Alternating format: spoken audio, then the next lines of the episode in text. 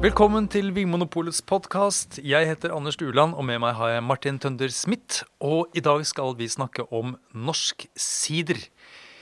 Det er eh, noe som har skutt fart i de siste mm, 10-20 årene, kan vi vel si. Flere og flere. Flere og flere lager sider. Liker sider. liker sider. Syns det er godt. Ja, flere, Interessant. flere og flere snakker om sider, og flere og flere eh, drikker sider, ja. Mm. Mm. Så da må, må vi kanskje begynne med eh, Vi skal nøste oss gjennom dette her. Alt fra eplesorter, klima, områder og metode og sånt nå. Men eh, først, Martin. Hvis du skulle forklart enkelt hva er sider, og hva er det det ikke er? på en måte?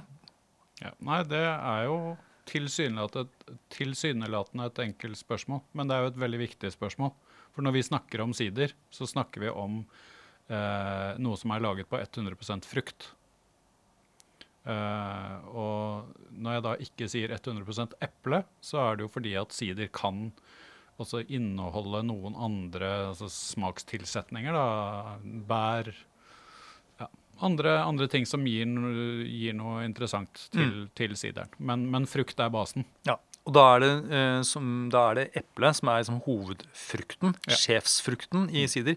Men pære er jo også ofte kan bli brukt i, eh, som en stor andel, og Ja. noen er, kan være rene pæresidere. Eh, men, sånn, eh, men hvis den er laget av druer, f.eks., da vil det bli da, vil, da blir det vin, ja, Ja. nettopp. For det er det som er spesielt med vin, at det er laget på druer. Mm. Eh, og sånn jordbærsider og sånt, er det en sider? Hvis den er bare jordbær?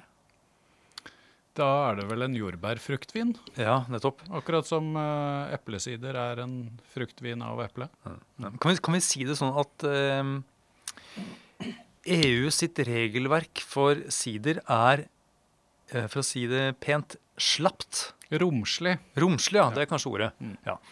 Sånn at det, er, eh, det er um, Sider kan være veldig mye, sånn som jeg har skjønt det. Eh, Men det skal på en måte ha noe med pære eller eple å gjøre. men, men at det kan, være, kan ofte være blandet inn vann, f.eks. Eller det kan være basert på fruktkonsentrat, eh, som så er tilsatt vann og sukker, og så gjæret opp. Ja, altså, man kan gjøre veldig mye forskjellig, og det tenker jeg jo er en av grunnene til at sider i hvert fall tidligere har vært litt vanskelig å få taket på. Fordi at det er så mye forskjellig som har blitt markedsført og solgt som sider. Og så er det bare en liten del av det som faktisk har vært sider. I hvert fall det vi tenker på som sider, da, som har frukt som utgangspunkt, og ikke måte nøytral alkohol og, og vann og essenser og aromaer og, og sukker og liksom bare blanda sammen. Ja. Og da er det sånn at det som i verdenssammenheng det selges og lages mest av, det er jo denne sideren som er eh, løselig eh, basert på, på eple eller pære. Ja, det er vel Eh, noe sånt som at det skal være 10 eller 15 frukt i det, eller noe sånt. Ja, noe sånt. Eh, og så er det da en ganske liten andel av verdens sider som er det som vi kaller for Kan vi kalle for håndverkssidere? Er det litt feil å kalle det? Eller bare ekte sider. Ekte sider, ja. Kanskje det er bedre å si. Mm. Ekte sider, ja. Jeg tenker med en gang man kaller noe for håndverk, så, så Ser du for deg en, eh, en mann eller dame Det- det- med sixpence? Det er akkurat som og- det legger ja. noen sånn føringer på at, at det, det gjøres for hånd. Og det er jo ikke nødvendigvis det som er poenget, men Nei. at det gjøres med liksom respekt for, for eh, både tradisjon, råvare øh, og, og det du gjør, da. Ja. Så, så kommer det ut et kvalitetsprodukt i andre enden. Om det er laget med masse manuelle arbeidstimer eller med et, et uh, mer industrielt utstyr, så tenker jeg det er litt mindre relevant. Eh, Så det vi skal snakke om nå, det er altså da det som vi da velger å kalle for ekte sider. Ja. Altså sidere som er basert på utelukkende, utelukkende saften fra eh, epler og pærer Ja. som base. Eh, og så har jeg lyst til å si at eh, mange av disse hva skal jeg si, industrisiderne eh, de kan jo minne mer om brus, egentlig. Mens, eh, disse, mens disse ekte siderne de har noe, eh, noe, noe litt mer eh, en litt mer komplekst smaksbilde. Litt mer preg av noe, noe gjæringspreg og sånt. Ja, det, smaker det smaker jo både av eh, hva det er laget på, og hvordan det er laget. Og det er jo noe som kjennetegner et kvalitetsprodukt, tenker jeg. At du, du, du, du kan kjenne både råvare og, og prosess. da. Ja. Og akkurat den prosess det, det skal vi jo, og råvare for så vidt skal vi jo komme tilbake til. Um, så da eh, la oss da zoome inn eh, mot Norge, da. Eh, og da har vi eh, første punkt på programmet. Eh, vi har en tavle her hvor det på en måte vi, sånn at vi ikke roter oss helt bort. Så der står det historie. Ehm, og hva kan man si om uh, norsk siderhistorie? Hmm. Uh, det har vokst villepler uh, i, i, i Norge så, så lenge det har vært eh, bodd mennesker her, så vidt jeg vet. Eh, men når det gjelder å dyrke epler, det er noe som kom i løpet av middelalderen. Eh, ja. Og siderproduksjon, altså for å få siderproduksjon så må man, ha- må man ha epler. Det sier seg jo selv. eh, Men eh, siderproduksjon ble liksom ikke registrert før sånn utpå slutten av 1700-tallet, faktisk. Mm. Og da er det etter hvert Vestlandet og Hardanger-området som ble et sånt eh, kraftsenter for sideproduksjon. Og det ble profesjonalisert etter hvert. Eh, Når det nærmet oss da overgangen fra 1800- til 1900-tallet, så fantes det jo flere eh, sider eh, Kanskje ikke fabrikker, men i hvert fall store produsenter. Som, eh, som solgte og som levde av det å lage sider, rett og slett profesjonelt.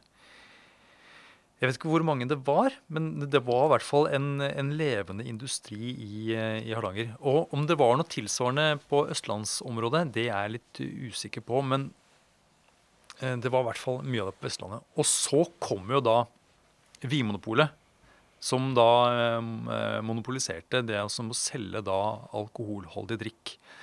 Og da ble det vanskelig for disse produsentene på Vestlandet. Eh, Så mange av dem eh, gikk jo da konkurs. Og så eh, gikk jo tiden, og så dukket det opp faktisk ved Grimstad så dukket det opp en sånn fruktvinprodusent.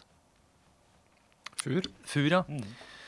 Eh, som ikke finnes lenger. og Derfor så kan vi jo si navnet på denne, denne produsenten. Eh, som holdt det gående ganske lenge. Og de produserte jo eh, eple, epledrikk, i hvert fall. Mm. Man, ja, man vil kunne kalle det en sider da, i dag. Mm. Ja.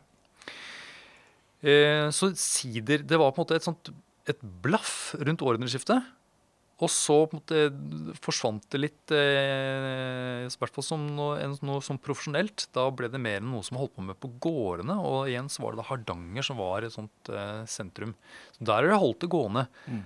Um, men da Martin, har jeg skjønt at eh, det var litt sånn litt med vekslende hell. De lagde, lagde sider i, i, i kjellerne rundt omkring på, på gårdene. Hva var det som kunne gå galt eh, der? Nei, det er jo Hva kan gå galt når man uh, har en, uh, en most som inneholder en del sukker, og så skal man gjære dette til alkohol? Da er det jo uh, det er fare for infeksjoner av bakterier. hvor da sideren blir ganske sur.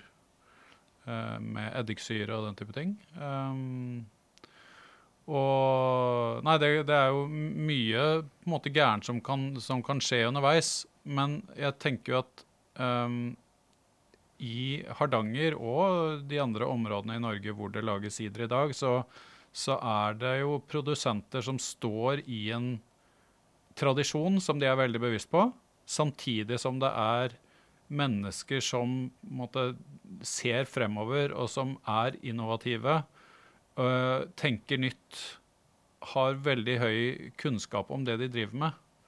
Uh, og nettopp derfor så, så er det en utvikling uh, hos disse produsentene da, som gjør at norsk sider i dag er utrolig mye mer spennende enn det det var bare for 10-15 år siden. Hmm. Kan- ja. uh, Så det har jo skjedd veldig mye på relativt kort tid nå, og jeg tenker jo at en viktig del av det er at norske forbrukere har blitt mer opptatt av norske produkter og norske tradisjoner. Eh, gårdssalg har vært viktig for veldig mange mindre eplebønder og fruktbønder eh, rundt i Norge, hvor du faktisk har lov til å selge produktene dine rett til forbruker. Eh, dersom du dyrker frukten selv, i hvert fall mye av den. Eh, og, og der kommer jo vi i Vinmonopolet inn som én av flere faktorer som er med på å løfte norsk sider som kategori. Mm. Og da kan vi begynne å, å, å fargelegge et ganske stort og variert bilde som, som inneholder mye forskjellig. Og det er jo det som er spennende, for norsk sider er ikke bare én ting. Men hvis vi da skal vende litt tilbake til historien, eller den, den, den nyere historien eh, for, for norsk sider sin del, så, eh, så snakket vi om at det var at eh, folk holdt på med sider da på, på gårdene rundt omkring. Og, eh, noen fikk det jo til og fikk en, en ren sider. Andre var, eh, hadde kanskje problemer med infeksjoner, som du sier. At det var mye eddik og sånt noe. Eh, og så var det vel en sånn greie at man eh, gjerne pumpet opp sideren med å tilsette sukker. Etter hvert, så etter krigen, så, så ble jo sukker en, eh, en råvare som var lettere å få tak i, billigere. Eh, og det var jo en grei måte å få høyere alkohol, da. Fordi det er jo en grense for hvor modne og søte epler du får her i Norge. Eh, så for, å få en- for å få en sterkere sider, så var det vanlig å tilsette sukker også. Ja, og Da vi var på en liten uh, turné i, i bl.a. Telemark og Hardanger for noen år tilbake, så snakket vi jo med flere som sa at det var en del av tradisjonen eh, i Hardanger. Det var å tilsette sukker fordi at sideren skulle være ganske sterk for i det hele tatt å bli vurdert som en god sider. Og det er jo også en del av, av, eh, en, en del av bildet. For mm. skal du gjøre en, en eh, eplemost uten å tilsette noe sukker, så, så stanger du på en måte i taket på rundt 6% alkohol. Det er liksom der eh, den naturlige grensen er for hva, liksom, hva som er mulig med Mm. det som er av sukker i eplene. Mm. Ja, for jeg tenker Det er et, et, et nyttig bakteppe å ha med seg når man skal forstå uh, moderne norsk sider, er at uh, mange produsenter da har startet opp uh, i et område hvor det har vært en levende siderkultur, men hvor det har vært høy alkohol, det har vært kanskje sidere som har vært ureine. Og så, når, man, når de da starter opp og ønsker å lage et, et godt produkt, så vil de ha en sider som, hvor de har kontroll på prosessen, og hvor de har kanskje lavere alkoholnivåer. Og jeg tenker jo kontroll på prosessen har nok, i hvert fall er, er mitt inntrykk, det har vært det viktigste. Ja. Å vise at man det, Her skal det ikke være noe eddiksyre, det skal ikke være noe Egentlig så skal det vel De, de ønsker jo ikke at det skal være noe gjærpreg. Eh, og, og det tenker vi jo handler om at den jern man brukte i gamle dager, var en gjær som, som eh, kanskje ikke etterlot seg så veldig mye sånn ønskede eh, aromaer i, i den ferdige sideren. Nei, Man brukte sånne turbogjærtyper, altså kultivert gjær, men som Sånn hurtigarbeidende vin, vingjær. Ja, og som tålte litt høy alkohol. Ja. Og, og så, litt derfor så er, nok også da en del av den norske sideren en sider hvor, hvor det er eple og eplefrukt og smak av eple som er, eh, som er det sentrale. En, en ren og fruktig sider har da liksom vokst fram som idealet sånn da i eh, Og, sant, kjølvannet av uh, denne Ja.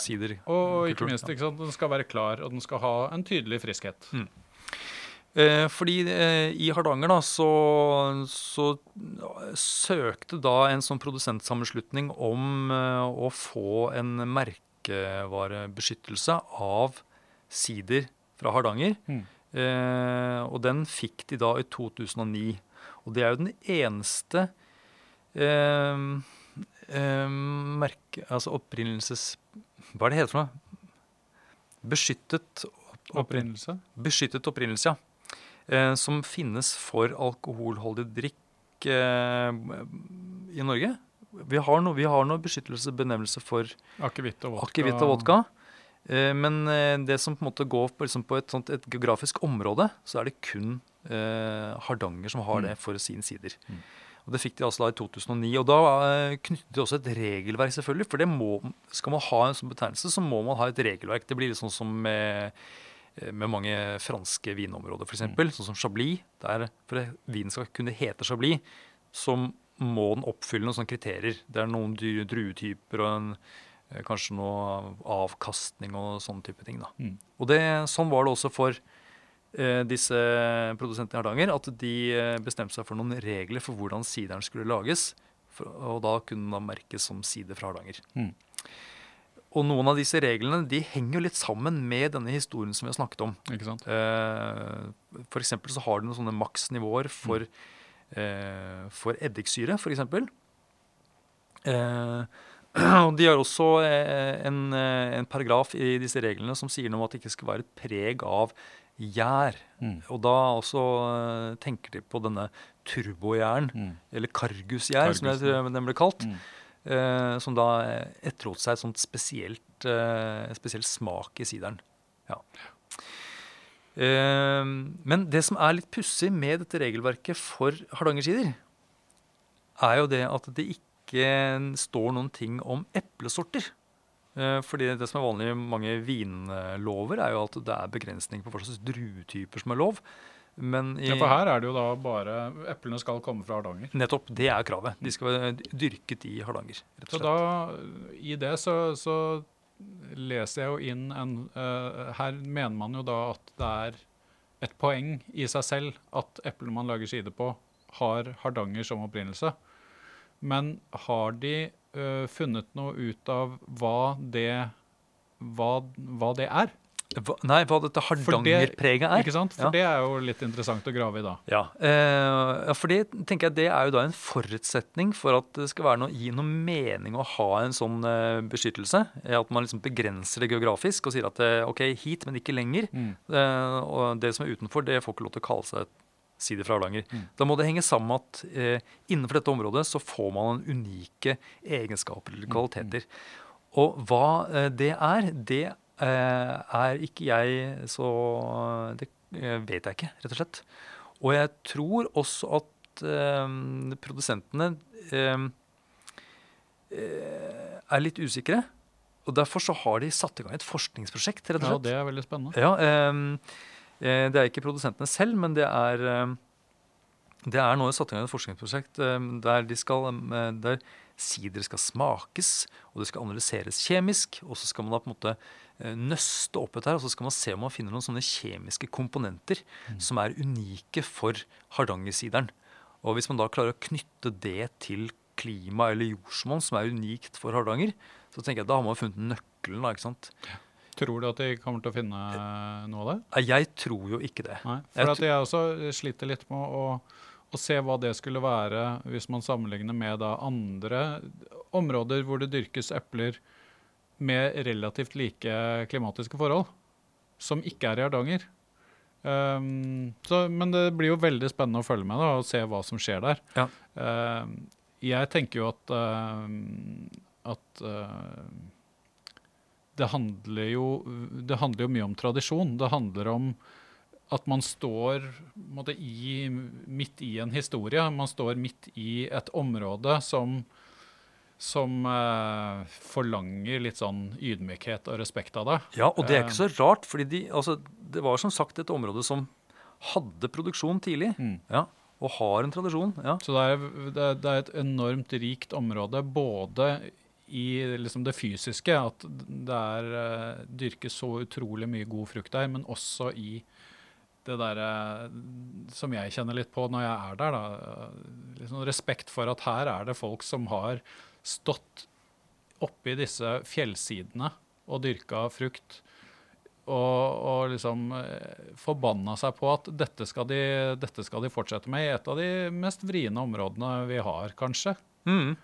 eh, å drive jordbruk i. ja, ja, helt Det, klart. det er så imponerende. Ja, for å bare eh, snakke ferdig om dette her med disse, om det er, finnes noen unike egenskaper, så jeg, tenker jeg at det er så mange faktorer inne i bildet her Mm. uh, som gjør det, som jeg tenker at det er nesten umulig å finne noen egenskaper som kun er knyttet til? Til eh, jordsmonn eller klima, altså ting du ikke kan flytte på eller på en Ja. måte frakte inn. ikke sant? Ja, jeg også tenker det. Eh, og så er det dette med at eh, de har jo en posisjon, Hardanger-produsentene, så jeg tenker at de fortjener å ha eh, dette, denne merkeordningen bare pga. det. Og så har det jo vært et, et, eh, et lokomotiv, ikke sant? De har jo satt i gang en interesse eh, og eh, fått en respekt for sider i Norge. Mm. Eh, Ja, definitivt. som kanskje ikke hadde kommet med mindre man hadde fått den merkeordningen på plass. Så Mm. Nei, det, det er ja. sant. så det er bra. Mm. Eh, men nå, ja, nå snakket vi litt om klima. Eh, og epledyrking i Norge eh, jeg, altså jeg tenker eh, Nord-Norge eh, Når man er som Trønd Trøndelag og, og nordover derfra, da begynner det å bli komplisert. Du skal i hvert fall ikke ha så veldig høye forventninger, Nei. tenker jeg. Og jeg har jo ser jo det at det som lages av sider i Norge nå, det, det stopper i Trøndelag. Mm. Men ellers så er det altså rundt kysten hele veien rundt da, så, så finnes det siderprosenter, og så finnes det også en del i innlandet. Mm. Eh, spesielt Buskerud og Telemark er jo sånne innlandsområder som har også har siderprodusenter. Og da er spørsmålet er eh, Kan vi si at disse områdene har veldig ulikt klima? Ja, kan vi det? Ja, kan vi det? For det er jeg veldig usikker på. Kanskje det, altså det kan jo være veldig ulikt mikro... Heter det mikroklima eller makroklima? Det heter vel mikroklima? Ja. Mikroklima Ja. kaller vi det. Ja. Eh, Så det, der er det jo variasjoner på nedbør og temperaturer, og, og ikke minst variasjon i temperatur, altså topp og bunn. Men ehm, Hvis man ser på det store bildet her, hvis, zoomer, hvis vi nå zoomer oss ut igjen eh, for å se liksom verden eh, For det dyrkes epler over store deler av verden. Så er jo Norge generelt et kjølig klima. ikke sant. Eh, som da naturlig nok da gir epler med høy syrlighet. Og hvorfor det? Hvorfor det? Nei, det er for at når Etter hvert som frukten blir moden, så, så vil faktisk syrenivåene gå ned. Eh, og hvis eh,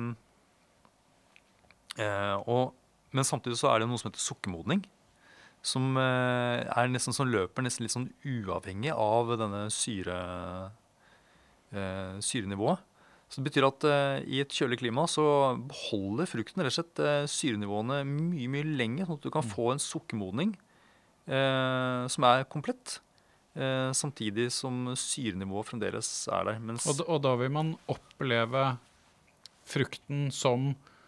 Da den, hvis den da får, blir eh, fullt moden før den plukkes, så vil den jo da oppleves både som søt og fruktig og ha en tydelig eh, syre, syrlighet. Nettopp. Og det er det som er så deilig med norske epler. Yep. Eh, jeg, jeg gleder meg til hver høst når disse norske eplene kommer i butikken. Fordi de smaker jo mye, mye bedre enn de, eh, enn de utenlandske eplene. Det må, det må være lov å si. Jeg eh, støtter deg på det, Ja. altså. Fordi, og det tenker jeg også som, som en sensoriker. Så, eh, så tenker jeg at eh, de norske eplene de er jo mye mer sammensatt i aroma. Mm. Det er liksom eh, alt fra de liksom søte, nesten sånn honningaktige og mandelaktige aromaene til nesten sånn blomster og nesten litt sånn urter og kanskje litt sånn innslag av noe sånn krydder og sånt noe. Og så denne syrligheten sammen med sødmen. Ikke sant? Og, Ja. og, og nettopp der tenker jeg jo at vi er inne på en av grunnene til at norsk sider både kan og er en spennende drikk. Fordi at det smaker ikke bare eple av eple, så lenge det eplet er eh, et, et godt dyrket eple, da. Ja, nettopp. Eh, den viften av aromaer og smaker du får fra eh, disse eplene, er jo bred. Ja. Og det er gøy. Ja, så det er et veldig veldig godt utgangspunkt for å få en, en litt spennende sider. av. Eh, så eh, syrlighet, ja, pga. at det er generelt et kjølig klima i Norge. Men så, er det da, så har vi da disse områdene som ligger langs kysten. Um, det er det som man sånn i, på vin, eh, i vinverden kaller det altså et maritimt eh, klima. Så det er jo klima hvor gjerne Det er veldig mye vann der. det, ja, ja, det er jo gjerne altså, nærheten til havet som da modererer temperaturen. Både sommer og vinter, så det betyr at du får jo ikke så varme somre, men du får heller ikke så kalde vintre. Mm. Og så har vi det som kalles for kontinentalklima, altså innlandsklima. Og da snakket vi om også Buskerud og Telemark, som er noen sånne, eh, sånne gode eksempler på sånne fruktområder da, som ligger så langt unna havet at eh, de somrene som er der, de kan bli skikkelig varme. Mm. Men så kan vintrene være eh, Beinkalde. beinkalde og strengere enn, en det du har på spesielt Vestlandet. da. Eh, Så det gjør jo at eh, fruktbøndene i Telemark for eksempel, de opplever jo at de kommer seinere i gang Mm. eh, med Altså blomstringen kommer seinere i gang der enn i, Hardanger. Men pga. den varme sommeren i Telemark så kan de gjerne høste frukten Tidligere. tidligere enn de gjør i Hardanger. Så det er en, en lengre modningsperiode, eller en vekstsesong, da, i Hardanger enn det er i Telemark. Men de, men de ender opp med relativt lik frukt. Mm, mm. Spennende. Så det er det med klima. Tenker du at uh, det er jo en del eh, fjell og snøkledde fjell i Hardanger-området uh, som også kanskje er med å, å på en måte jevne ut disse milde De milde sesongene kan kanskje bli litt kjøligere av at det er kald luft som også kommer ned i, i disse dalene. Det er det helt sikkert. Eh, spesielt på natta, tenker jeg. Så, er, Mm. så har det en sånn tendens til at sånn der, eh, fjelluften på en måte gjerne sånn Synker ned, ned. ja. Mm. Helt sikkert. Uh, jordsmonn, uh, det er jo sånn som man snakker mye om når det gjelder vin. da. Uh, sånn- Drenering og slikt. Drenering og kalkrikt, og det gamle havbunnen og sånn. Mm. Um, og sånn som i Hardanger, som vi har snakket mye om, der har du jo et løsere jordsmonn. Det er mer preg av sånn eh, ras- og morenejord, som Mm. drenerer da godt. Sånn, det holder ikke så godt på, på vannet, men det gjør også at jorda er varmere. på en måte. Mm. Den, den blir raskere varmet opp. Eh, og det er også noe som er en fordel da, for å få i gang eh, altså veksten hos plantene tidligere. Mm. Mens i Telemark så har jeg da lært at der er det mer leire. eh, Et, et, sånt, et tettere, mer kompakt jordsmonn som holder bedre på, på, på fuktighet, og som også er kaldere. Men eh, inneholder da kanskje mer næring, eh, og hvor de opplever da mm, potensielt mindre problemer med tørke. Ja. Mm. Vest, altså Hardanger er på Vestlandet, men det jo, mange av disse fruktområdene ligger jo såpass langt trukket inn i fjordene at jeg tenker at det er jo ikke de våteste delene av, eh, Nei, av det er jo nesten liksom på hver, på hver side av fjellet. Ja, Du har Telemark på ene sida, så kjører du over fjellet, så kommer du til Hardanger. Det er jo ikke helt ut til, eh, til eh, kysten i den forstand. Nei. Så det er vel kanskje litt sånn eh, i grenseland, da, mm. på hver sin side. Eh, et område som eh, kanskje som ikke er sånn et åpenbart eh, eplesiderområde for mange, er jo, er jo faktisk Oslo-området. Eh, som interessant nok da har faktisk, fostret opp flere med produsenter i det Ja, det er så fint. Eh, ja. Eh, og de baserer seg da eh, veldig ofte på, på frukt fra hager rundt Mm. omkring. Og det er også en, eh, noe, noe litt spennende, egentlig. Mange, ja, definitivt. mange gamle eplehager eh, her i Oslo som, som, med, med, med epler som egner seg for, for siderproduksjon. Ehm, så er det da altså det med eplesorter. Det må vi jo bare snakke om. Det må vi snakke litt Ja. om. Eh, fordi det fins jo mange forskjellige eh, typer epler. Litt sånn som det fins mange typer eh, eh, druesorter. Jeg tror det fins tror det finnes 7000 eller 10 000 Nei, er det så mye? 3000, tror jeg det er. 3000 eplesorter. Nå bare slenger jeg ut et tall her. Det er, det er i hvert fall mange. Det, er det er masse. Veldig, veldig mange. ja.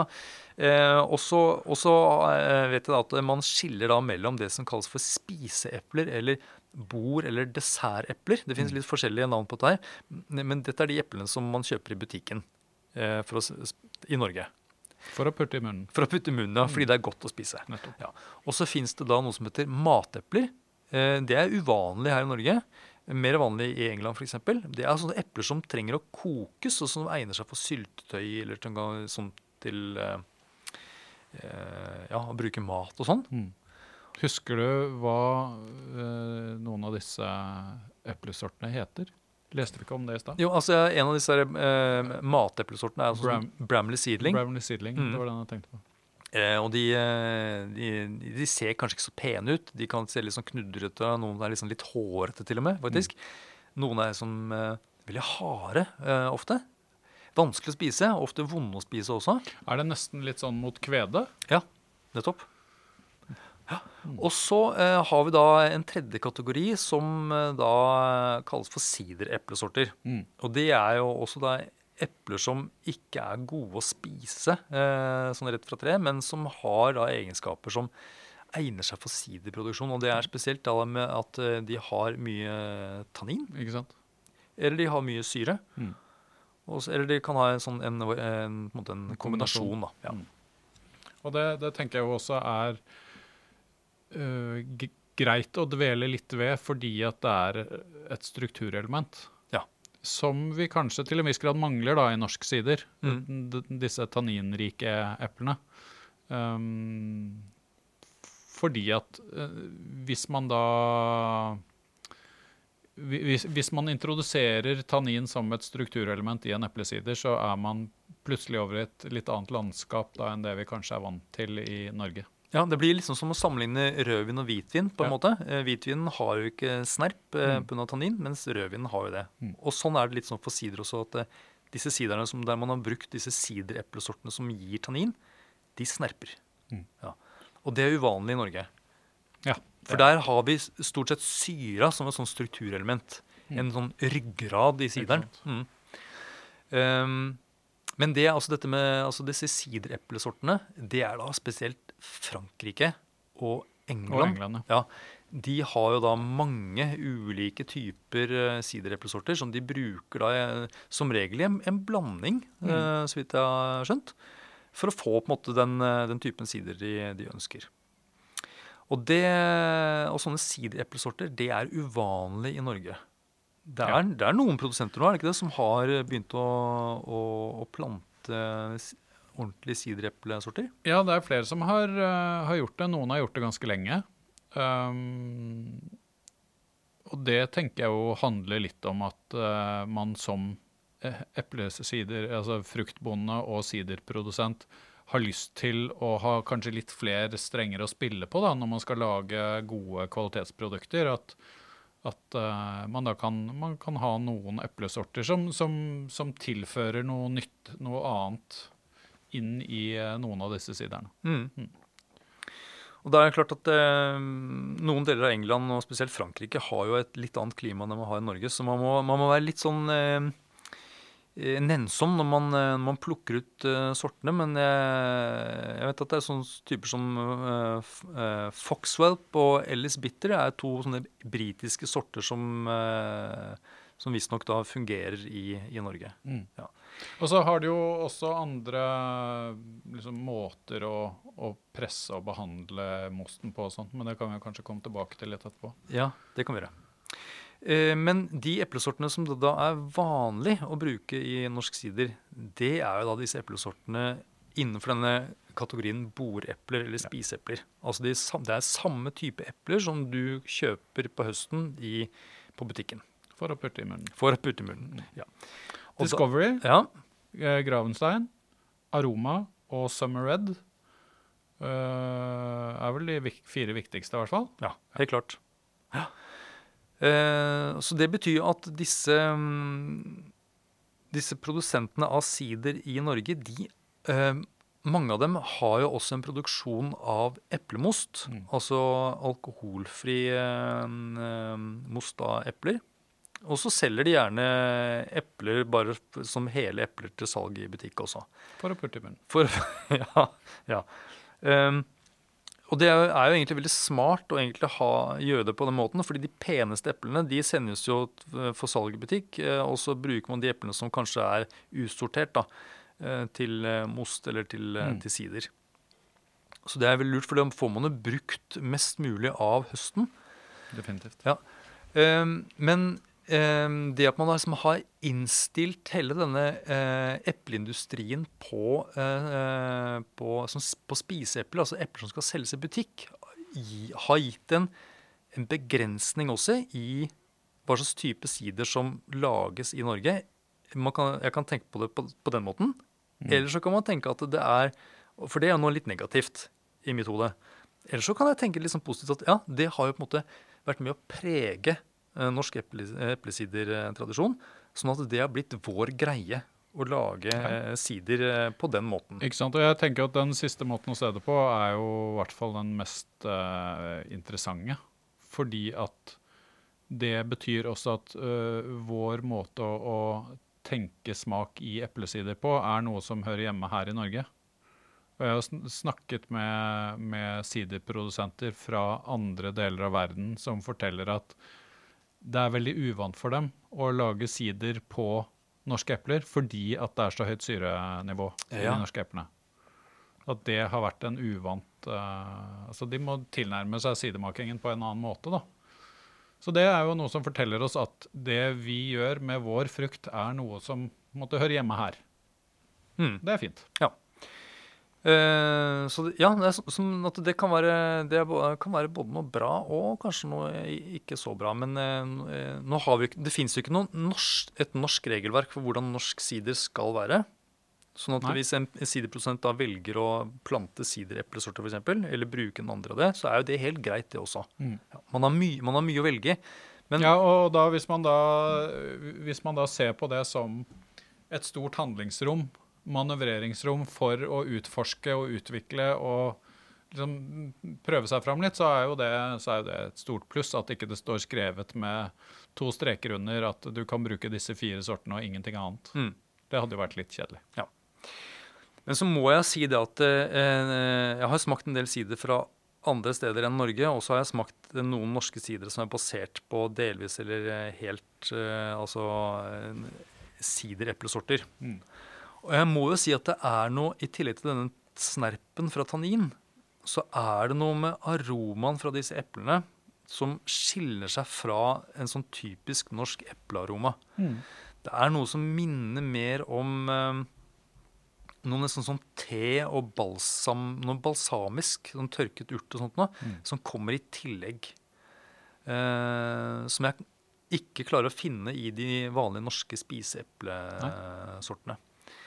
Så jeg eh, Jeg håper jo at flere produsenter liksom eksperimenterer litt eh, mer med eplesorter, eh, og liksom løsriver seg litt da fra at det som skal dikteres av hva slags epler som selges i butikken. Ja, og, og det tenker jeg er et kjempegodt poeng. Fordi at nå ser vi eh, at eh, norske siderkunder har ganske høy betalingsvilje.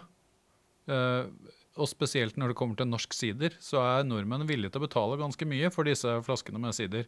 Fordi at det er etablert en tillit i det norske sidemarkedet om at ok, norsk sider, det er topp kvalitet. Eh, Da eh, har man også da sant, Da åpner man for at man kan gjøre noen investeringer på produksjonssiden. Plante nye trær, pode med andre sorter, sidereplesorter. Eh, utforske hva sider kan være. Og så vet man at man har kunder i andre enden som faktisk er interessert i å betale det det koster. Ja, Det er et uh, godt poeng. Uh, hadde, hadde det norske sidemarkedet vært uh, veldig sånn prispresset, prissensitivt, så tenker jeg at da hadde det hadde vært veldig lite Veldig få insentiver for produsentene å, å utvikle markedet. Mm. For da handler det bare om å pumpe ut store volum til, eh, til massene, og så er, så er det det. Ja. Så, så vi, vi, kan jo, vi kan jo se for oss at det vil skje veldig mye spennende da, innenfor sider i Norge fremover. Mm. Ja, vi er på vei. Absolutt. Definitivt.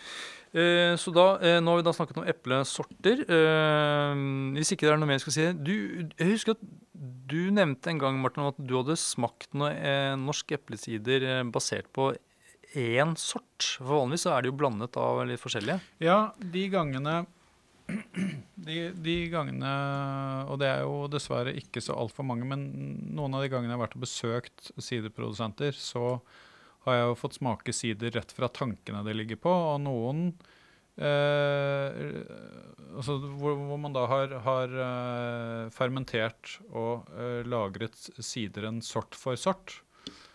Og det er jo veldig interessant å da smake eh, sider rett fra tanken når det bare er laget på Gravenstein eller bare laget på Summer Red. Mm.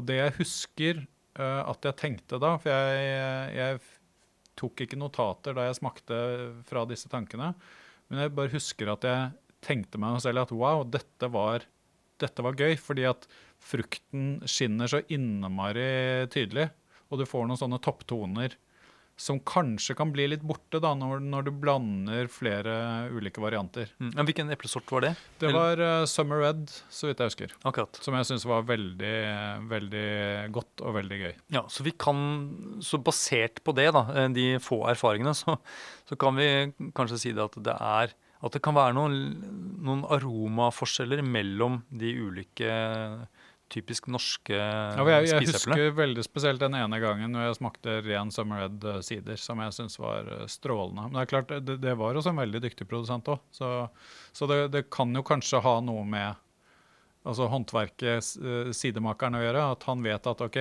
Summer Red har noen egenskaper som jeg kan måtte, bygge opp under på denne måten. Ja, nettopp. Kanskje. Ehm, hva med, altså så nå, nå skal, Etter at eplene er dyrket og plukket, så skal man jo lage sideren. Og det har jo mye å si for hvordan sideren smaker også. Ja. Litt sånn som det er for, for vin og øl, egentlig. Ehm, kan du si noe litt sånn kjapt uh, hva som er liksom hovedtrekkene i en siderproduksjon, og hvilke valg en siderprodusent kan gjøre? Ja. Eh, først så må man jo da eh, presse eller kverne disse eplene. eh, sånn at man får saft ut, eller most. Um, og når man har gjort det, så skal, så skal jo dette gjæres. Og så skal det mest sannsynlig modnes litt etter at det er ferdig å gjære. Um, og så høres jo det kanskje ganske enkelt ut, men så er det jo en del valg inni disse hovedbolkene, da, som under kverning, pressing. Så kan man jo velge å la eplene ligge ganske lenge før man Altså etter plukking og før pressing, eller kverning. Eh, jeg vet om, eh, vet om flere produsenter som lar eplene ligge i ganske mange uker. Eh, og, og så er det jo noen som da Eh, når eplene er kvernet og presset, så lar de mosten stå eh, også ganske lenge før de begynner å, å Før den skal fermenteres. Nettopp også for å Altså i Frankrike så er det vanlig. Um, hvor da pektinet koagulerer på toppen av tanken. Som da en, en sånn ja, som- brun kalles det. En brun hatt. Nettopp. Ja, og pektin er noe jeg sa jeg vel stivelse, men det er jo egentlig et protein. Ja. Ja, Bare sånn at det er sånn kjemisk korrekt, dette her. Det var fint at du sa. Eh, eh, så um, ja, man kan eh, liksom la eplene ligge litt før man kverner dem. Liksom, kjellerepler. fo- Folk la jo eplene ned i kjelleren. en, Ja, og det er jo innmari godt. Ja, Altså, og de smakte annerledes enn de Ja. gjorde rett fra tre. Nettopp. Og, og min, mine besteforeldre, de, de gjorde jo det. De plukket eh, epler på høsten. Eh, de hadde um, i hvert fall en fire-fem forskjellige epletrær som de da plukket på ulike tidspunkt. Noe av den frukten den eh, kjørte de til et frukt- og bærpresseri og fikk byttet i eplemost. Og de beste spiseeplene, og gjerne de som da ble plukket til sist, de ble lagt i trekasser og så stavla ned i kjelleren. Ja. Og, og jeg husker jo det som veldig gode epler Eh, på smak, Ja. og nesten litt sånn parfymerte. Ja, nettopp. At de nesten er enda mer aromatiske. Ja. Og de virker nesten mer modne også. Ja. Og det er da kanskje noe de er på jakt etter, eh, disse produsentene som velger å la eh, frukten liksom modne litt til Mm, -hmm. etter at de er plukket. Og det er jo, altså, det er jo noe med disse altså, esterne som også utvikles, som finnes naturlig på frukt. Altså Estere som, som er et eh, biprodukt under fermentering, er jo noe som også finnes naturlig i frukt. Fordi at eh, altså Det er jo et stoff, eh, altså kjemiske forbindelser, som, som eh, rett og slett tiltrekker seg insekter, sånn at de får hjelp til å spre, Ja. eh, ja. spre seg. Ja. Eh, Feromoner.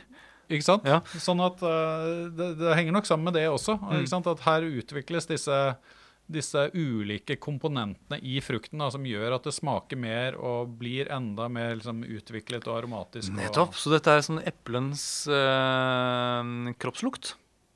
Det kan vi godt kalle det. Mm. Ja. Det vil vi ha. Ja. Eh, og så kvernes det, som sier, og det er ikke så mye hokus pokus der, egentlig. Det gjelder egentlig bare å få ut denne safta, eller mosten. Og så nevnte du da denne prosessen som også kalles for keeving, eh, hvor, hvor man da på en måte lar dette eh, proteinet eh, eh, sammen med en del sånn grums og urenheter på en måte danne en sånn flytende Hinne. hinne. Eh, den kan være ganske tjukk, egentlig. Eh, sånn 10-20 cm. Ser litt ekkel ut. Og så blir da mosten under blir da klarere. Ja. ja. Og Også- mer næringsfattig, har jeg skjønt. Ja, og det er jo det som er eh, Det er jo da det begynner å bli gøy. ja, syns du? Fordi at næringsfattige forhold eh, for gjæra å jobbe i, altså hvis det er vanskelig for gjæra å jobbe i en eplemost, eh, så dannes det jo flere aromakomponenter under fermentering enn om det er kjempelett og masse næring, og gjæra bare kan liksom ploppe i vei og, og jobbe uten anstrengelse så blir det alkohol. Enkelt og greit. Og det vil smake litt eple. Ja. Denne næringsfattige mosten, den, den gjør altså, altså Kall det altså positivt eh, stress da, for gjæra. Mm. Så da slipper den ut litt flere typer ulike sånne aromastoffer. Ja. Eh, men ting tar jo også mye lengre tid. Men dette her med å gjøre en sånn keeving, det er vel uvanlig blant norske siderprodusenter? er Det det er noen få som gjør det, Ja, eh, men det er ikke vanlig. Det blir antageligvis vanligere dersom det blir en høyere andel siderepler, tenker jeg. nettopp. Så vil man kanskje også ta i bruk eh, sånne, sånne metoder. Men de fleste, de, de, de, de presser altså bare eh, eplene, og så får de mosten inn i gjæringskaret, og så, set, eh, så skjer gjæringen egentlig mm. uten en sånn hinne. Ja, og så, og så kan man jo da tilsette gjær, eller man kan la gjæringen begynne av seg selv. Ja, og her er vi inne på noe ganske viktig, er vi ikke det? Ja. Ja. Det er vi. Uh, og det er klart at um, dersom man tenker at en eplesider skal uh, ha smak av prosessene sideren har vært igjennom, så er jo fermenteringen kanskje den viktigste. I hvert fall hvis man spontanfermenterer. ja. Og, eh, og hva, hva vil det si å spontanfermentere? Nei, da er det jo eh, gjærsopp som finnes naturlig på frukten, som eh, setter i gang gjæringen. Altså man tilsetter ikke, ikke gjær. Nei. Så når vi snakket om denne måten å lage sider på i, på gårder i Hardanger eh, sånn eh, etter krigen, så eh, da tilsatte man denne turbojern. Ja. Det var ikke spontangjæring. Det var det motsatte. Nei, det var sprintgjæring. ja. ja. Uh, ja. Eh, nettopp. Og da sier du at da får man, et, da får man mer preg av denne gjæringen, eller fermenteringen, som du sier. Som da er en, det er en form for foredling eh, Ja. av, av råvaren, som da er eplemosten. Mm. Eh, Og det er klart, når, når den da får begynne selv, uten, eh, uten ytre, ytre påvirkning eller tilsetting av gjær, og den får gå i det tempoet den selv eh, vil, eh, så tar det litt Eller det kan ta ganske mye lengre tid. Men resultatet er jo at sant, det dannes flere aromakomponenter. Mere, det skjer mer under fermenteringen som i sluttproduktet da vil gi deg en, en økt kompleksitet. Det må vi det Og så, ja. ja, ja. det kan vi kanskje komme litt tilbake til etterpå, men dette- dette med sødme, da. Mm. Fordi at en, en sider kan jo oppleves som søt uten å være tilsatt sukker. Og så kan den samtidig smake tørt. Mm. Og det er um, Det syns jeg er en veldig fascinerende eh, ting i eplesider.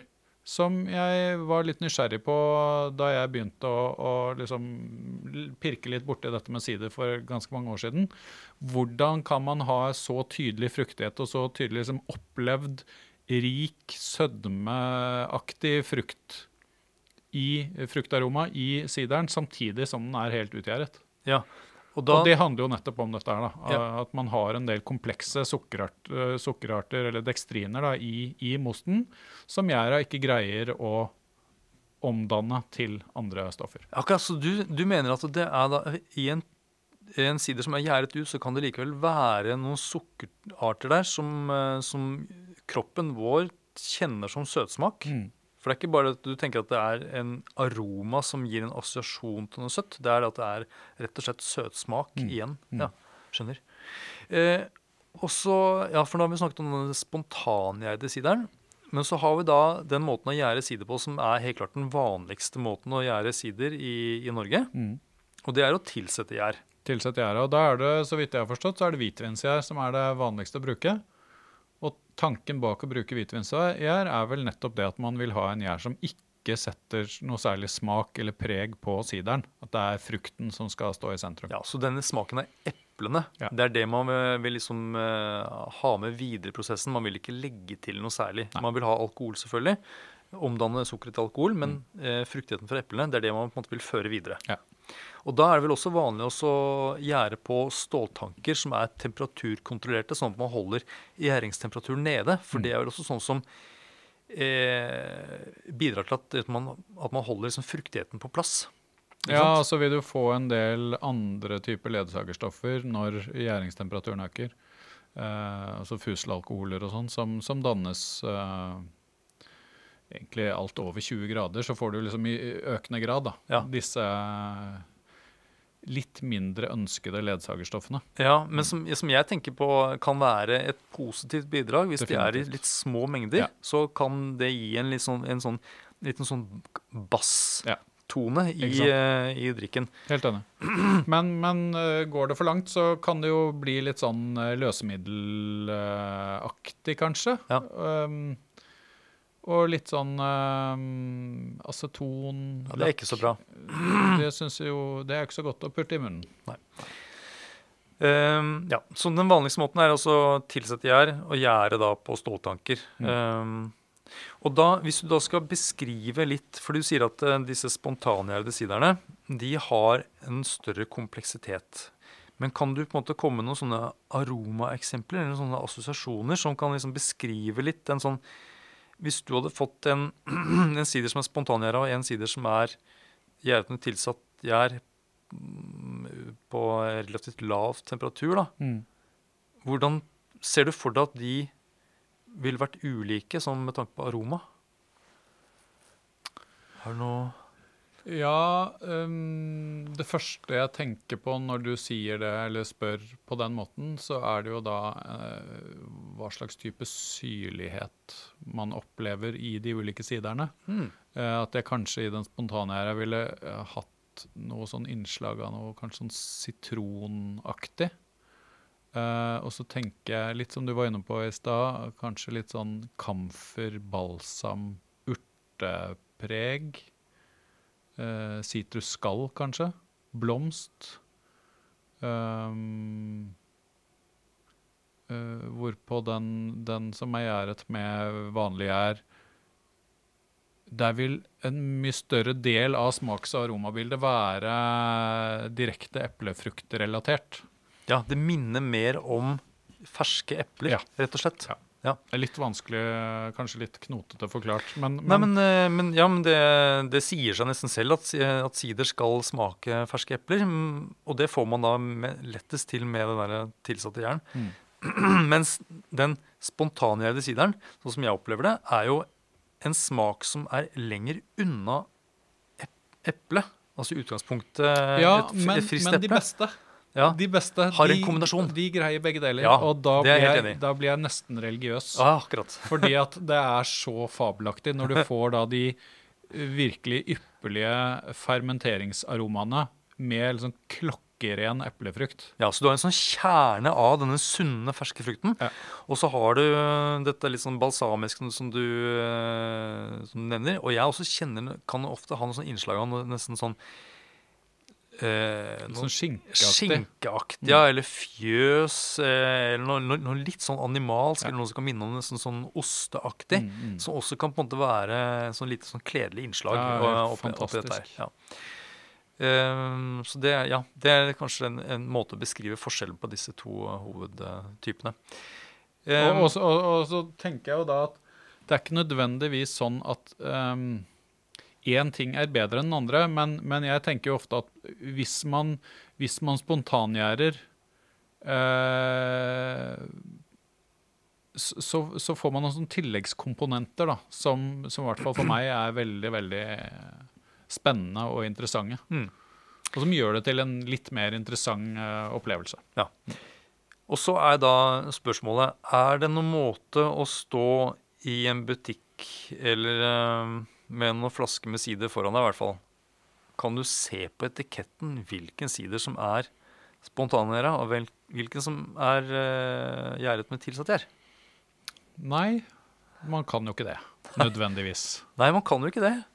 Og det er jo klart at det begynner å bli litt vanskelig å orientere seg da, når man ikke beskriver prosess, øh, og man ikke kommuniserer det, kommuniserer det nødvendigvis på en annen måte heller.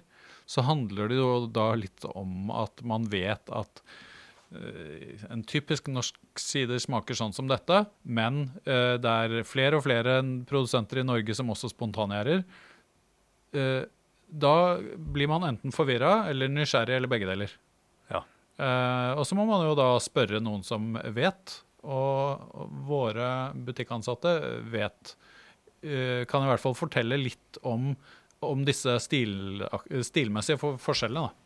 Det er sant, det er jo et godt tips. Man kan, Jeg tenker jo det er viktig å Ja. snakke med dem. Er du i tvil, spør. Uh, spør erfarne fjellfolk, holdt på å si.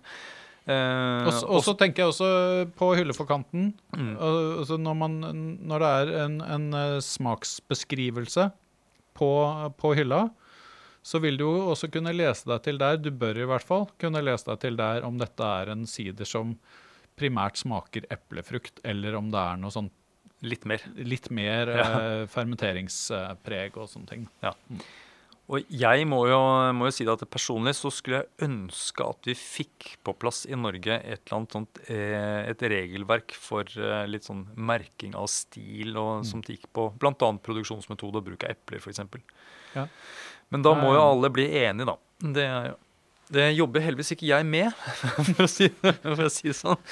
Um, ja, for da er sideren gjæra. Vi har ikke snakket, snakket om ståltanker. Mm. noen, noen gjærer jo på, på fat. Oh, ja, ja, ja. Ehm, og det er gjerne, altså Disse som driver med spontangjøring, de er som regel veldig glad i å bruke fat òg. Ja. Fordi disse trefatene de, de er jo altså, Der lever det De gir gøy. husly, rett og slett, til eh, både gjær og En slags- bakterier. Et slags gjær- og bakteriehospits.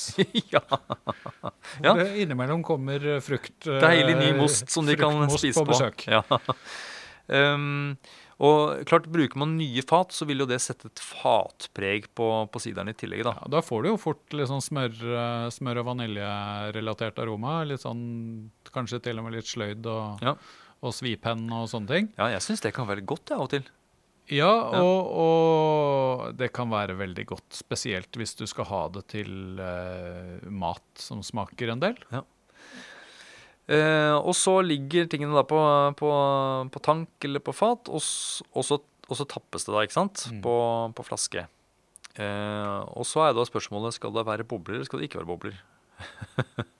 Ja. For det må jo da produsenten bestemme seg for. ikke sant? Ja, det, det må de. Um, I Norge så er det jo veldig vanlig at sider har bobler. I andre markeder så er det jo, eller i andre land så, så er det både og, egentlig. Spansk sider er jo veldig ofte nesten flat. Mm. Ikke helt, men nesten. Um, fransk sider er jo som regel uh, altså angangsgjerda på flaske, sånn at boblene dannes naturlig på flasken. Og det er jo derfor man bruker disse champagneflaskene, Mm. for de tåler høyere trykk. Eh, en del sider så tilsetter man kullsyre, sånn som man gjør med uh, f.eks. øl eller brus. Og det er jo også eh, den kjemiske komponenten her, altså CO2, den er jo den, er jo den samme. Altså Enten Ja. den på en måte er produsert av jern, eller om den er på en måte pumpet inn fra en, eh, en, en beholder med CO2.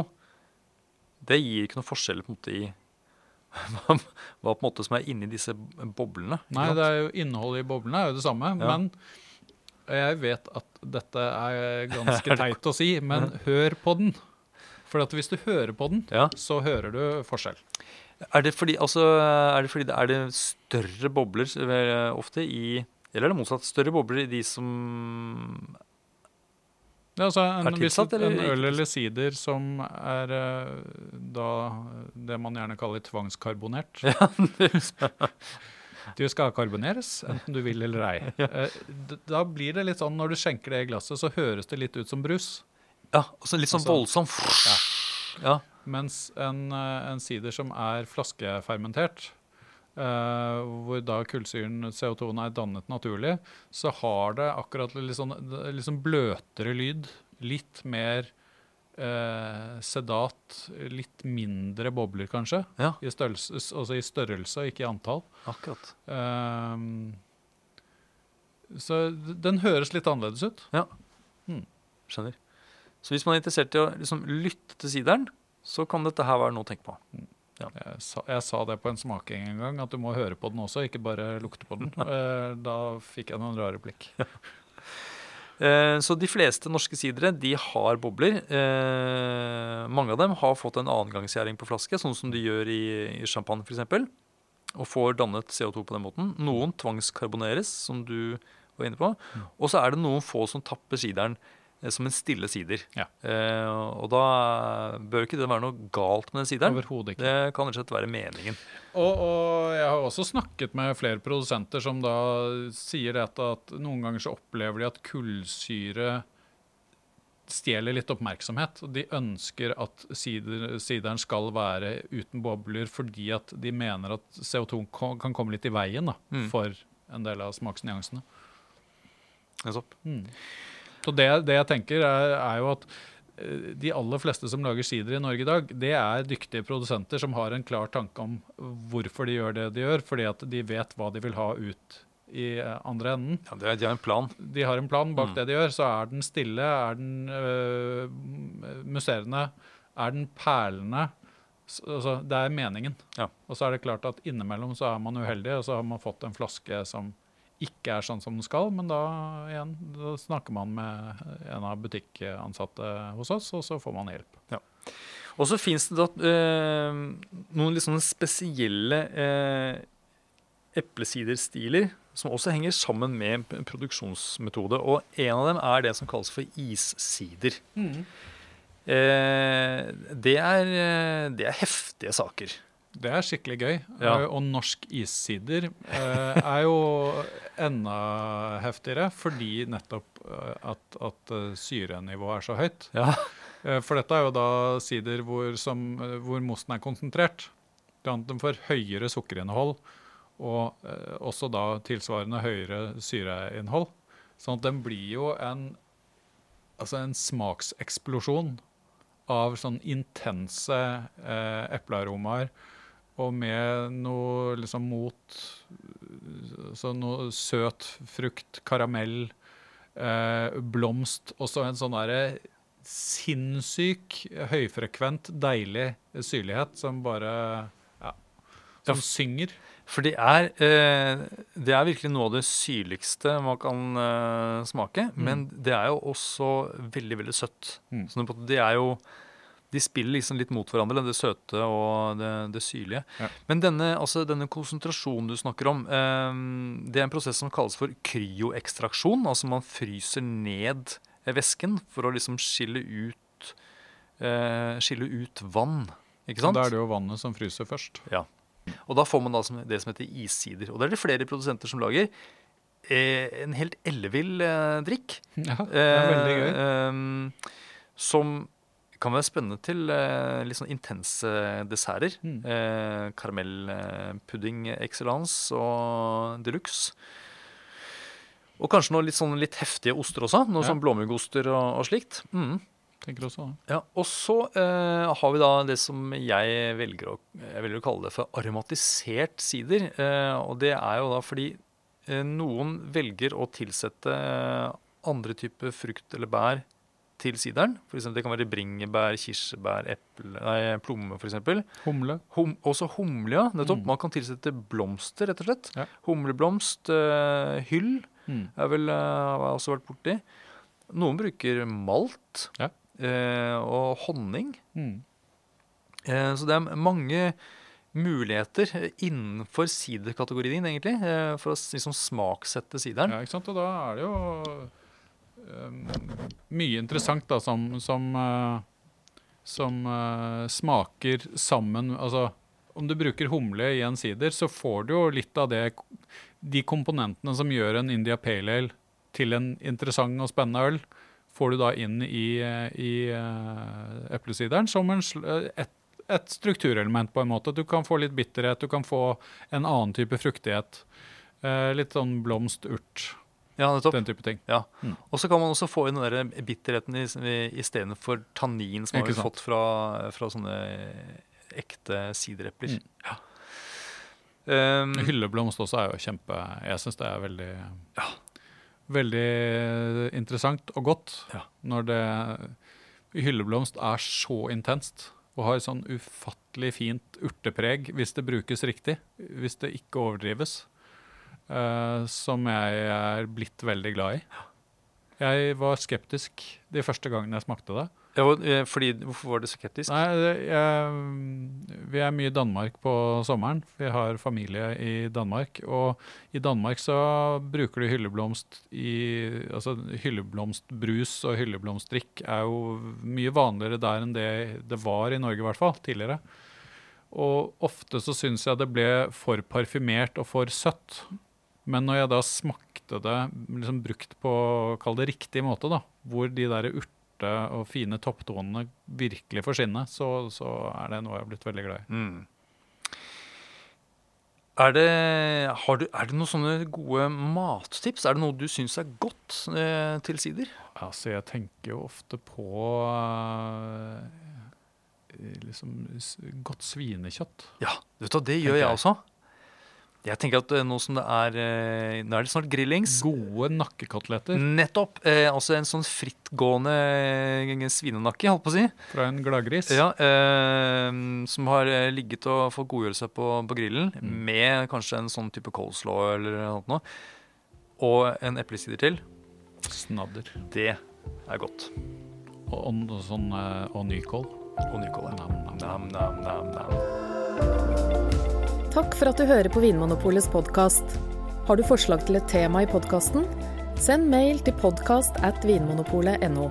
I tillegg svarer kundesenteret deg på e-post, chat og telefon.